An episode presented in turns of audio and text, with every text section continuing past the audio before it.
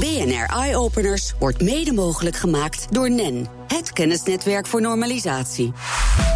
BNR Nieuwsradio. BNR Eye Openers. Schut. Het gebeurt nog eh, veel te vaak dat iemand een tweedehands kaartje aanschaft voor bijvoorbeeld een concert. Daar betaal je dan vaak veel te veel geld voor. En vervolgens bij de deur van de concertzaal kom je erachter dat het om een vervalsing gaat. En daar komt, als het aan guts ligt, zo snel mogelijk een einde aan. Tom Roetgering is een van de mensen achter deze start-up. Welkom, leuk dat je er bent. Ja, dankjewel. Jullie hebben een nieuw ticketsysteem uh, bedacht om onder andere dit probleem te verhelpen. Hoe werkt het? Klopt, ja. Wij, uh, we hebben een ticketing systeem op de blockchain gebouwd. Uh, en daarmee kunnen we dus fraude en uh, de doorverkoopwinsten die dus door, door, door handelaren verdiend worden, kunnen wij daarmee e-, elimineren. Dus, Oké, okay. ja. maar via de blockchain dus. Dat betekent dat die informatie op verschillende computers staat... Die met een chain eigenlijk aan elkaar verbonden zijn. En je hebt al die informatie nodig... om uiteindelijk tot dat ene stuk informatie bij elkaar te brengen. Dat ticket. Uh, ja, Zo nee, ongeveer werkt het. Klopt, er zit een robuuste database ja, ja. onder... die dus op heel veel computers uh, in de hele wereld uh, staan. En daar staan die, het eigendom van die tickets die staan daarop geregistreerd. Um, maar eigenlijk maak je dus met die blockchain de tickets slim... Dus je kunt een aantal eigenschappen kun je dus uh, kun je, toevoegen. Die, kun je toevoegen, maar die, die, die, die kun je wijzigen, waaronder okay. uh, het eigendom. Maar bijvoorbeeld de prijs, de hoeveelheid, uh, et cetera, dat, dat staat gewoon vast. Oké, okay, en, en hoe weet je nou zeker dat je met dit systeem geen fraude meer kunt plegen? Want alles is tegenwoordig tot te hacken. Ja, klopt. Um, nou goed, met die blockchain maak je dus hacken onmogelijk. Je kunt uh, moeilijk uh, meer dan 50% van die computers uh, gaan hacken. Um, een centrale database wel te hacken. Um, Um, even nadenken hoor. Want je, je hebt dus een, uh, zeg maar, je ticket. Dat is eigenlijk dus een digitaal uh, recht om ergens naar binnen te gaan. Normaal gesproken krijg je een recht op papier. Ja. Uh, dat wordt gescand. En wij hebben een digitaal recht en dat zit mobiel. En dat ook op het moment zeg maar, dat ik mijn ticket verkoop dan verandert de QR-code. En uh, dan krijg je dus een nieuwe QR-code. Oh, nou, een unieke QR-code dus. Ja. Dus ik kan hem eigenlijk ook niet kopiëren uh, en, en op die manier weer verhandelen. Klopt, ja, dat is correct. Ja, want je, ja. liet, je, liet, me voor de uitzending even de app zien, hoe dat werkt. Uh, kun je ons even meenemen in het proces van het kaartje kopen? Ik kom bijvoorbeeld op jullie app of de website. Ja. Ik kan me voorstellen, daar koop ik een kaartje. Wat dan? Ja, nou ja, goed. Eigenlijk willen wij zo dicht mogelijk bij de artiest zijn. Dus als een artiest zegt, je kunt hier je ticket kopen... dan staat bijvoorbeeld op de website van de artiest staat een linkje... of het zit geïntegreerd in zijn website. Dat is een landingspagina met uh, eigen look en feel. En daar uh, kun je als consument aangeven hoeveel tickets je wil hebben. Je klikt het aan en op het moment zeg maar, dat jij besloten hebt welke hoeveel je wil hebben... dan ga je naar checkout. Je betaalt hem gewoon in je eigen omgeving met Ideal of met je ja. bankieren-app. En vervolgens dan heb je die tickets digitaal op je mobiel staan. Dus je 06-nummer is daar gekoppeld. En op het moment dat jij dus niet meer kunt, kun je je ticket heel makkelijk weer in de verkoop zetten. Ja. En dan kunnen andere fans voor dezelfde bedrag, wat de originele ticketprijs is, een ticket nou, kopen. Daar zeg je wel iets interessants, hè? de originele ticketprijs. Want nou ja, mijn collega's hier bij BNR, allemaal jonge die veel naar concerten gaan, en die vertellen ook wel, ja, uh, er wordt wel eens gezegd dat concertkaarten door de organisatie zelf meteen doorgesluist worden naar uh, die tweedehands sites. Om er zo meer aan te verdienen. Daar zijn de prijzen gewoon hoger. Ja, dat klopt. Ja, er zijn uh, promotors, er zijn organisatoren die dat doen. Kijk, ik heb er geen bewijs voor, maar uh, okay. ze willen natuurlijk um, zoveel mogelijk geld verdienen eigenlijk aan, uh, aan die tickets. En um, ja, artiesten willen dat niet. En die zeggen eigenlijk van ja, wij, wij worden daar niks beter van. En alleen onze fans worden, okay. daar, worden daardoor benadeeld. Dus dat, dat willen wij niet. Ja, want de marge gaat gewoon omhoog voor de, de, de verkopende partij van die tickets en niet voor de artiest zelf. Exact, ja. ja nee, de, de fan uh, die betaalt uiteindelijk de rekening. Ja, en uh, ja. dat komt in uh, ja, en, verkeerde en, en, en je zei al eigenlijk, als ik mijn ticket heb gekocht... en ik wil het doorverkopen aan iemand anders... dan kan ik alleen maar dezelfde prijs ervoor krijgen. Ik krijg geen hogere prijs. En die, die andere fan, die betaalt gewoon hetzelfde voor het ticket. Dus. Exact, ja. Ja, oké. Okay. Um, dus dat, dat zou niet meer kunnen. Dus betekent dat jullie gewoon sites als Ticketmaster en Ticketswap... gewoon keihard gaan aanpakken straks? Uh, nou ja, ik denk dat, dat zulke partijen blijven bestaan natuurlijk. Um, want ja, bijvoorbeeld een Ticketmaster is van Live Nation. Uh, die hebben ook bijvoorbeeld Mojo in eigendom. Ja. Dus bepaalde evenementen zullen zij altijd via hun eigen ticketing systeem okay. uh, de tickets gaan verkopen. En zullen ze niet met ons in zee gaan, lijkt me. Nee. Dus en ja, de tickets van Ticketmaster die gaan weer via Ticketswap bijvoorbeeld worden die weer verkocht. Dus ja, daar zit. maar dus wij, wij zijn echt een nieuw platform, een nieuw, een nieuw waar, waar de primaire en de secundaire markt samenkomt tot één ticketing systeem. Kijk aan. Hey, en jullie wonnen recent al een Buma Music Meets Tech Awards. Klopt, ja. Precies wat jullie doen. Uh, hoe, hoe, wordt er verder vanuit de muziekwereld gereageerd? Uh, ja, heel positief. Ja, zijn er al partijen die zeggen, dat, hier gaan we mee in zee, sowieso? Ja, nou ja, de partijen zijn natuurlijk wel heel erg benieuwd hoe het in de praktijk allemaal gaat werken. Uh, wat heel belangrijk is, is dat het systeem stabiel is. En dus ja. daar werken we nu hard aan. Uh, en dat er internet is. Dus je, ja, we, we, zoeken natuurlijk wel naar een goede internetverbinding op locatie. En dat, dat is onder andere een van onze services wat we erbij aanbieden. Ja. Ah, oké. Okay. Die ja. regelen jullie ook zelf? Dan. Ja, ja, klopt. Ja, we hebben gewoon meerdere providers waar we, waar we afspraken mee aan het maken zijn. Om straks ervoor te zorgen zeg maar, dat ons ticketing systeem wel overal te gebruiken is natuurlijk. Nou, ik ben benieuwd of inderdaad de wantoestanden rondom de kaartjes voor concerten en toneelvoorstellingen nu uit de wereld geholpen worden met Guts. Ja. Dankjewel, Tom Roetgering, voor je komst naar de studio. Dankjewel. BNR Nieuwsradio. BNR Eye Openers. Misschien is het wel een beetje de natte droom van de nieuwe Amerikaanse president Donald Trump. Of misschien juist ook wel helemaal niet. Een gerobotiseerde journalistiek. Op de UVA in Amsterdam staat een simulator die de journalistiek in 2025 kan helpen nieuws te maken. Verslaggever Thomas Schuurman die ging ermee aan de slag. Oké, okay, ja, je kan straks uh, aan, de, aan de computer vragen of die uh, je kan helpen met dit, uh, dit, met dit verhaal. Ja. Nou, succes. Dankjewel. Oké, okay, ik heb dus een uh, fictief nieuwsverhaal meegekregen. Leuk, in deze journalistiek roerige tijden. De Amsterdamse burgemeester Eberhard van der Laan wil vanaf 1 maart geen toeristen meer in zijn stad. Let op, fictief hè, geen echt nieuws, net nieuws.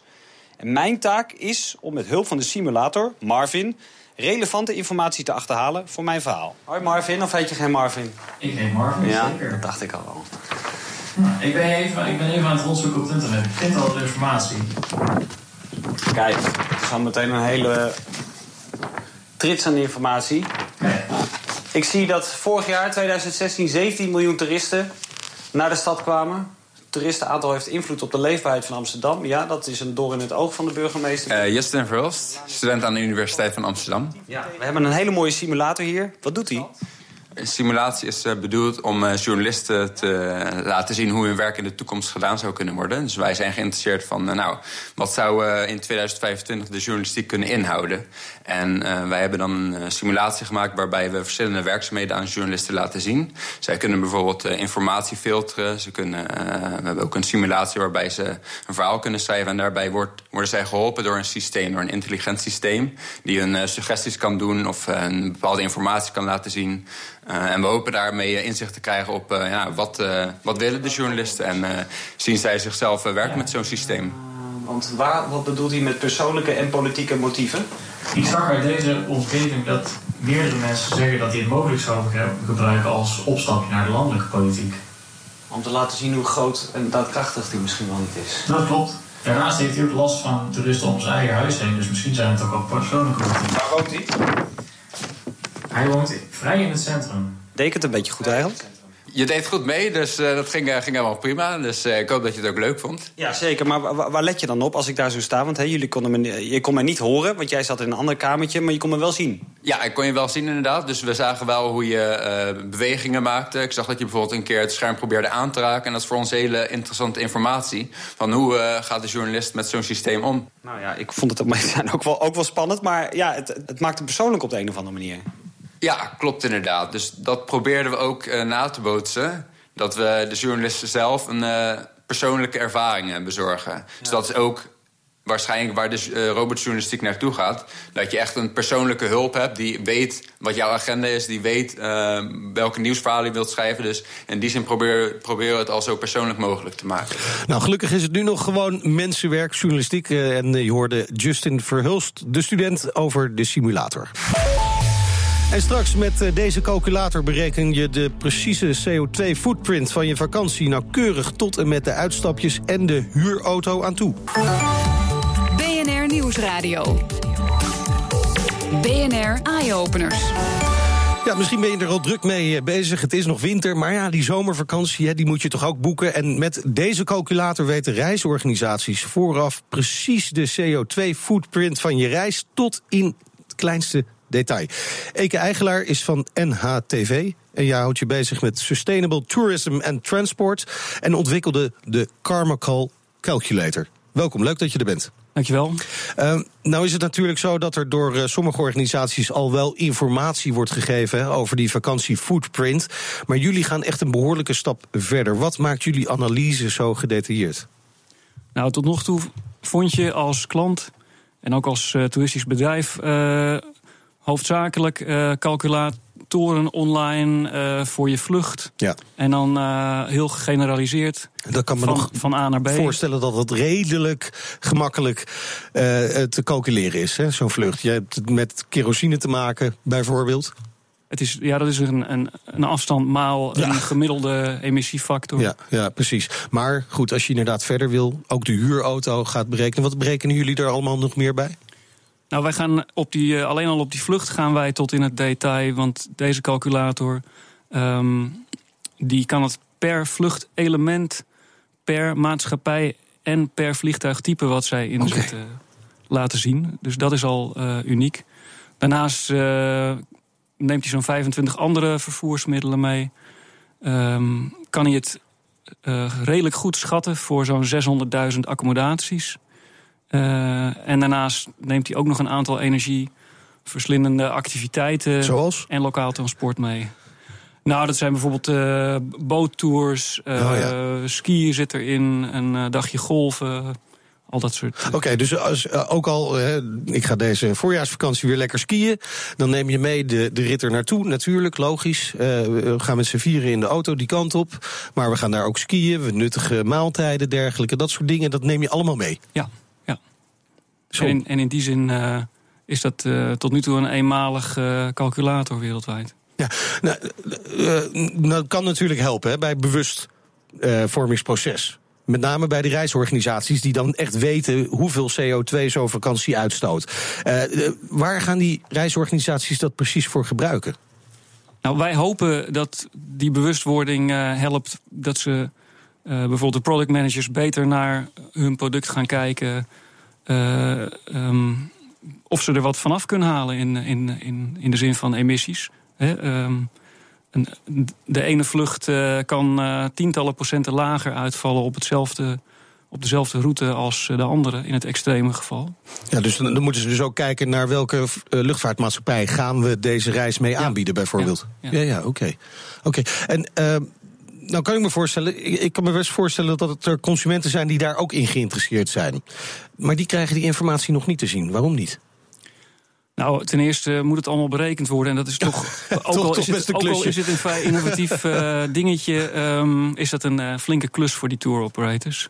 Uh, maar het plan is um, dat in de loop van dit jaar een flink aantal tour operators online en in de brochures gaan met met die carbon footprint van hun reispakketten. Oké, okay, want er is inderdaad wel positief gereageerd hè, door de, door de uh, tour operators.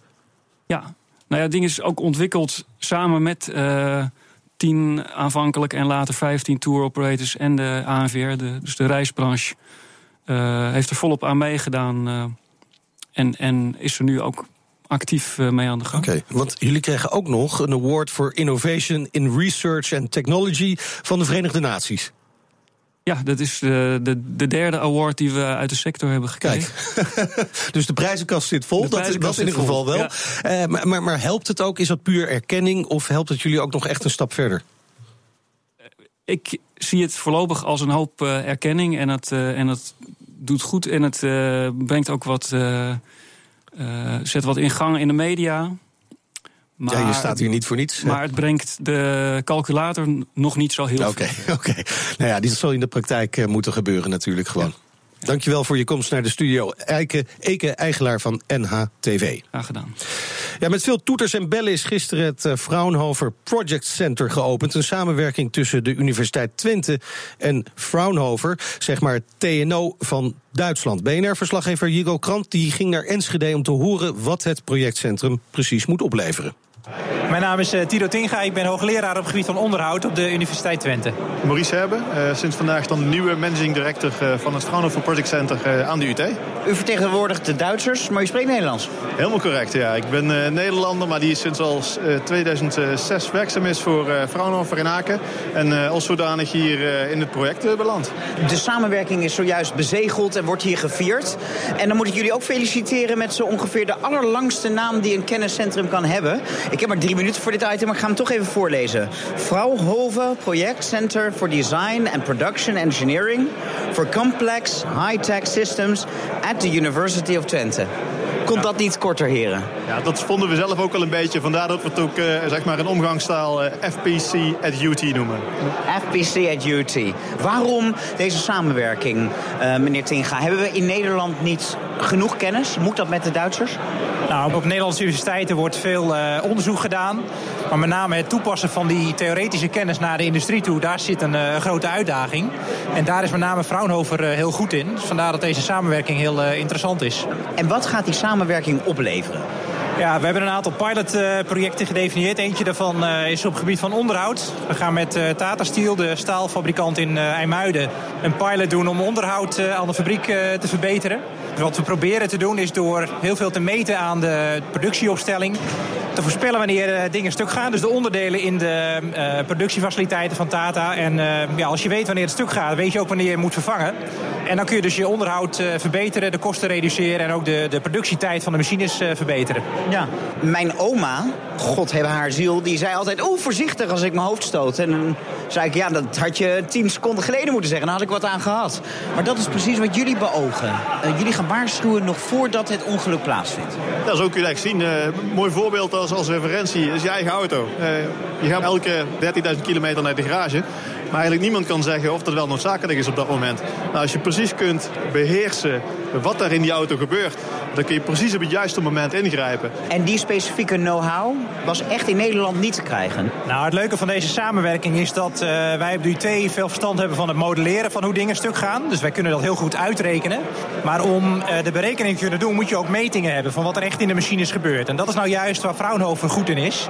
Die zijn heel goed in het uh, plaatsen van sensoren, het meten van temperaturen, drukke uh, snelheden. En juist die combinatie, dat levert voor dit project uh, een hele grote meerwaarde op. En dit gaat Nederland een nog innovatiever land maken dan het al was? Jazeker. Ik denk dat uh, met dit soort nieuwe kennis en nieuwe methodieken... kan, de, kan de industrie in Nederland zich daar echt goed mee positioneren... en zijn positie vasthouden. En de FPC at UT... Wordt het nou een Nederlands of een Duits instituut? Nee, het is een samenwerkingsverband, maar het is eenduidig een afdeling binnen de Universiteit van Twente. Het Fraunhofer Project Center moet er dus voor gaan zorgen dat er meer high-tech start-ups zich daadwerkelijk kunnen ontwikkelen tot echte bedrijven of producten. BNR Nieuwsradio. Meindert Schut. En zoals elke week sluiten we altijd af met de leukste nieuwtjes uit het buitenland. Daarvoor hebben we in de studio hoofdredacteur van Numbers.nl, Elger van der Wel. Elger, welkom. Uh, we beginnen vandaag in Australië. Ja, ik dacht lekker in de buurt. Ja, lekker. nou ja, op zo'n dag dan uh, wens je wel dat je daar bent. Uh, op het vliegveld gaan we daar naartoe. want daar willen ze af van de paspoortcheck. Ja, dat is, dat is een ding wat natuurlijk al ook in Nederland, uh, Schiphol is er ook mee bezig. Van kunnen we uh, dat hele proces met die papieren paspoorten, kunnen dat niet, niet, niet gaan digitaliseren door, door authenticatie te doen door middel van uh, biometrische factoren. Ja, dus dan moet je denken. check bijvoorbeeld. Gezichtsherkenning, ja. vingerafdrukken, combinatie daarvan is nog beter. ze gaan dat in Australië ook echt doen. Ze gaan nu nog dit jaar beginnen in een heel klein, relatief klein vliegveld van Canberra. Dat is wel de hoofdstad, maar dat is relatief klein. Dat is gek aan Australië. later dit jaar gaan ze het ook in Sydney, Melbourne doen grotere okay. steden, willen ze het echt gewoon gaan testen, invoeren. En het doel is, als alles werkt, dat in 2020 in heel Australië het paspoort van het vliegveld verdwijnt. En wow. wordt vervangen door allerlei slimme camera's. Klinkt ook wel logisch, toch? Ja, als het allemaal werkt, ja. ja. Aan de andere kant, al die data wordt natuurlijk weer opgeslagen van mensen. Ja, ook en, en misschien kan het gehackt worden. Ja, nou ja, dus goed, dat, heb je dat soort heel veel dingen. vragen nog, maar leuk dat ze ermee beginnen. Hey, uh, over oren en ogen gesproken en gezichten. Uh, nieuwe belevingsproducten proberen ook steeds vaker andere zintuigen dan die oren en die ogen aan te spreken. En de VR-wereld, daar is nu de geur de nieuwste trend. Wat, wat gaan we daarvan merken? Ja, hoe, hoe ga ik dit netjes zeggen? Um, je, oh, je weet hoe het internet ooit groot is geworden? Ja, porno. Ja, nou, dit is weer zo'n ding. Uh, uh, geur in virtual reality wordt de wereld ingeslingerd via uh, porno. Um, een, een porno webcam site. Camsoda heeft een... een Camsoda? Ja, moet ik ja, even onthouden. Ja, dat moet je even checken. Ja.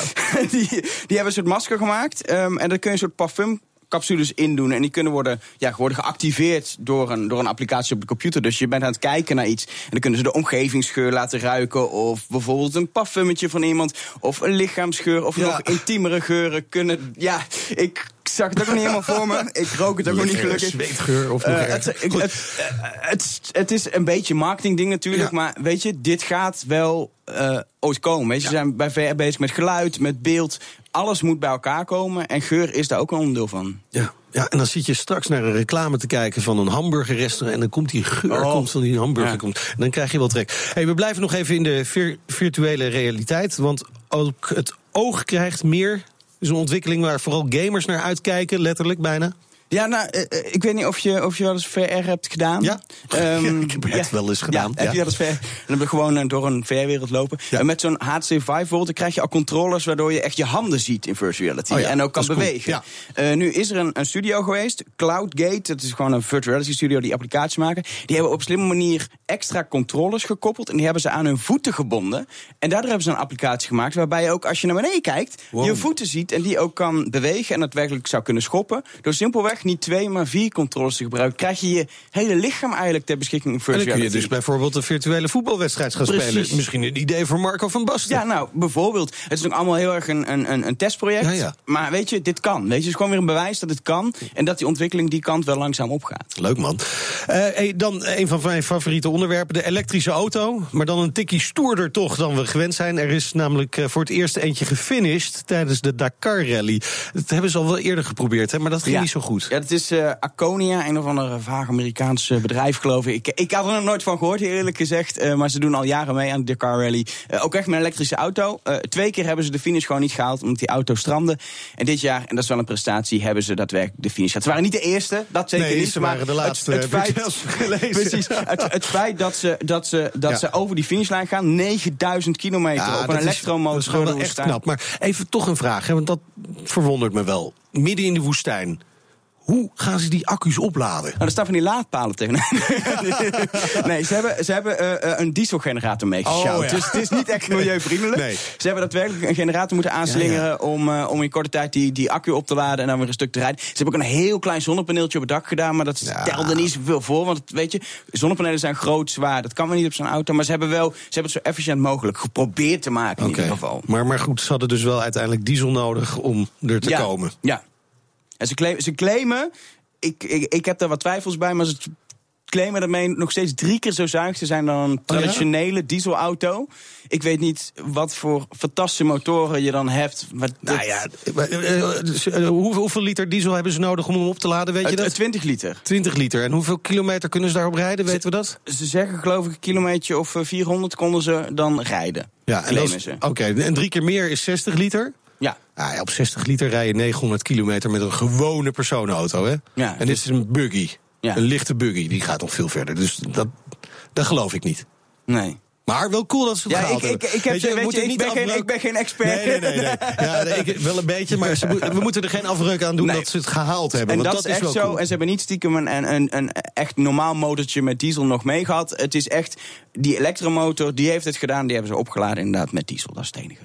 Dankjewel, Elger. Er was hem voor nu op bnr.nl slash eyeopeners. Vind je nog veel meer innovaties met impact. En op Twitter vind je ons natuurlijk ook, het BNR Innovatie. Daar kun je ook uh, met ons in contact komen. En de hele uitzending kun je natuurlijk ook terugluisteren als podcast via iTunes en nu ook via Spotify. En je hoort ons natuurlijk weer in de toekomst. BNR Eye Openers wordt mede mogelijk gemaakt door NEN, het kennisnetwerk voor normalisatie.